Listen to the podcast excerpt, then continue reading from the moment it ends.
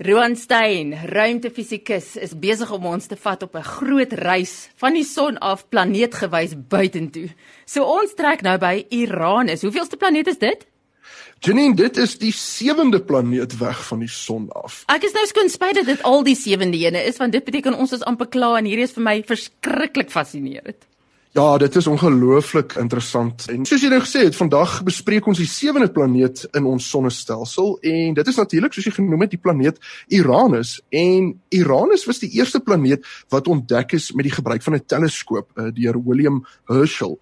En die ander planete wat ontdek is, kon 'n mens maar net met die blote oog sien en hulle is so gedefinieer as 'n planeet. Maar tog het hierdie William Herschel nie dadelik geweet dit is 'n planeet nie, maar gedink dit is 'n komeet. Dit is eers wanneer hy ander wetenskap wetenskaplikes van daardie tyd gevra het om saam met hom na hierdie buiteruimtelike voorwerp te kyk en te bestudeer, dat hulle almal toe ooreengekom het dat dit wel nog 'n planeet is in ons sonnestelsel en wat om die son wentel. Nou Uranus is ongeveer 3 biljoen kilometer weg van die son en dit neem sonlig 164 minute om die planeet te bereik. Nou as jy dink nou vir die aarde neem dit net 8 minute, dis so naby ons aan die son is. Nou dit beteken dat as ons 'n ruimteskip soontoe sou stuur, dat dit ook 164 minute sal neem vir ons radioboodskap om die ruimteskip te haal en dan wanneer die ruimteskip 'n radioboodskap terugstuur, neem dit nog 164 minute vir daardie boodskap van om die aarde te haal. Dis is die totale tyd om 'n antwoord op 'n vraag te kry 5 en 'n half ure vir hierdie planeet. Dit is onsaglik lank. Nou, toe ons oor Jupiter en Saturnus gesels het, het ons mos gesê dat hulle reuse gasplanete is. Wel, Uranus en Neptunus en ons sal volgende week oor Neptunus gesels. Uh maar Uranus en Neptunus is wat ons noem ysreusplanete, oftewel ice giants soos hulle in Engels sê. Die rede hiervoor is dat Uranus het die koudste temperatuur van al die ander planete in ons sonnestelsel, naamlik -224 grade Celsius. Nou die heel boonste deel van Uranus se atmosfeer bestaan uit water, uh, uit ammoniak en metaan yskristalle. En dit is juis die ammoniak van uh, wat Uranus die dofblou kleur gee. En wanneer mense na die planeet kyk deur 'n teleskoop, dan sien mense die dowwe blou kleur en dit lyk ook asof die rand van die planeet dowwer is as die middel. En dit is maar as gevolg van die die gas en die ys wat die lig breek in daardie manier. Nou Uranus het 'n totaal van 27 maane en hulle almal is vernoem na bekende literatuurfigure uit die werke van onder andere uh, William Shakespeare en Alexander Pope, soos byvoorbeeld Miranda, uh, Titania en Cressida om nou maar net drie van hulle te noem. Nou dit neem hierdie planeet 84 jaar om om die son te wentel en maar net 17 ure om om sy eie as te wentel en daarom soos ons by die ander planete gesien het veroorsaak dit ons saglike groot storms en weerlig op die planeet. Maar ons kan dit nie sien nie want dit is alles in die middelgedeelte van die planeet. Die buitenste deel van die planeet is maar net blou en baie rustig. Wanneer ons aan planeetringe dink aan die ander kant, dink ons natuurlik dadelik aan Saturnus en met goeie rede want soos ons laasweek gehoor het, Saturnus het by verre die duidelikste ring. Maar interessant genoeg, Uranus en Neptunus het ook ringe wat eintlik eers baie baie onlangs ontdek is. Uranus het 'n totaal van 13 ringe waarvan die binneringe naaste aan die planeet effens dof is, maar die twee buitenste ringe is baie helder van kleur.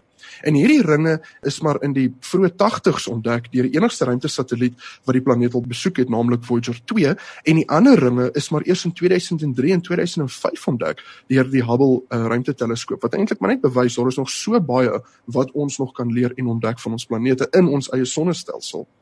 Nou Uranus het nog 'n duisend interessante feite waaroor ons daar lank kan gesels en dit sal natuurlik baie lekker wees. Maar daar is een eienskap van Uranus wat ons by geen geen geen ander planeet sien nie. Onthou vroeër het ek gepraat van die ander planete se kantelhoeke ten opsigte van hulle wentelbaan.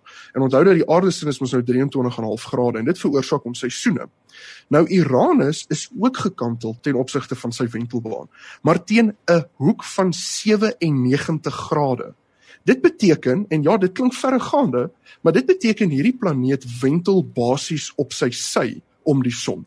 Dit is amper asof die hele planeet op sy rug lê en om die son wentel. Dus is daar tye gedurende Uranus se wentelbaan waar die suidpool direk na die son wys vir 'n hele seisoen. Dit wil sê die son skyn vir 21 jaar in die suidelike halfrond dan is dit 21 jaar in die noordelike halfrond en dan vir 42 jaar is daar iets tussenin totdat die planeet nou heeltemal om die son gewentel het. Wow. En hierdie planeet is regtig iets spesiaals.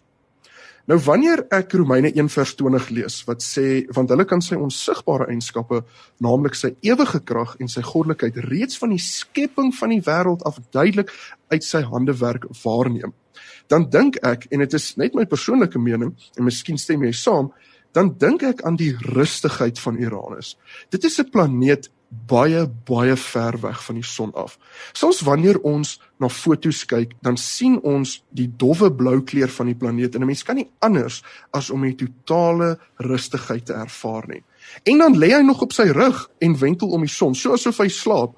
Nou Uranus is die planeet wat my herinner aan God se woord wat duidelik sê ons moet rus op die sewende dag. Rus is so onsaglik belangrik. En toevallig is Uranus die sewende planeet van die son af Nogal. en ons moet op die sewende dag rus. So dit is 'n maklike uh, manier om 'n knoop in jou oor te maak om dit te onthou. En herinner, herinner my ook aan God se woord wat sê: Maak nie saak hoe ver jy is nie, maak nie saak hoe lank dit vat vir die Here se lig om by jou uit te kom nie, of of hoe lank dit vat vir die Here se lig om waar te wees in jou lewe want jy jy oop is om daai lig te aanvaar. Die Here se genade is groter as dit. Die Here se genade is genoeg vir almal. Ons sien juis dat dinge nie baie vinnig op hierdie planeet gebeur nie, want hy is baie ver van die son af en sy seisoene hou vir meer as 2 dekades aan. En dit bemoedig my eintlik want dit herinner my aan die feit dat al van dinge lank om te verander of om te gebeur, die Here is met ons elke sekond van elke minuut van elke dag. Al is ons dalk miskien tans in die nagseisoen. Dis nou vir my baie interessant want dis nou spesifiek hoe ek kerk definieer is dat ek kan na 'n ding kyk en iets heeltemal anders sien as wat jy het. Hier's jou Romeine 21 en jou Openbaring is totaal anders as dit wat ek toe nou gehoor het terwyl jy die storie vertel het. Byvoorbeeld die hele ding van die Ja. rustigheid is hy lyk rustig aan die buitekant, maar jy het gesê aan die binnekant as gevolg van sy wentelbaan wat so vinnig is, is dit stormagtig. En die feit dat dit so ver van die son af is, ek kan dink partykeer iemand wat sonder die Here moet lewe, as die Here nou in my persepsie nou die son sal verteenwoordig en die aarde ek as Christen verteenwoordig en dat hoe verder Ja, ja. ons van die son af weg beweeg, hoe sterker beter daai masker wees, né? Natuurlik gaan jy kouer word want jy's verder van die ligbron af, maar dan is dit hierdie Verseker, amper ja. illusie van stilte aan die buitekant so asof hulle floreer. Onthou jy hoe Dawid gesê het in Psalms, hoe's dit dan nou dat mense wat ongeregtig is floreer? Hoekom is hulle ryk en hoekom is Ja. hulle suksesvol en al daai? Waar is ons en ons Christene? Maar nou dink jy by jouself, Ja. dis 'n illusie broer. Hy mag dalk Yes. rustig buite lyk, maar dit gaan maar goor daar binne. En die rede is dat hy so ver is van die son af en en ten spyte daarvan so vinnig draai. Dis so so interessant Ja, en dit is 'n dis 'n pragtige openbaring wat jy daar het en is dis so interessant want ja, dit is so verskillend en ek dink elke persoon sien sy eie openbaring en daai is 'n baie spesiale, baie geldige openbaring wat jy daar noem.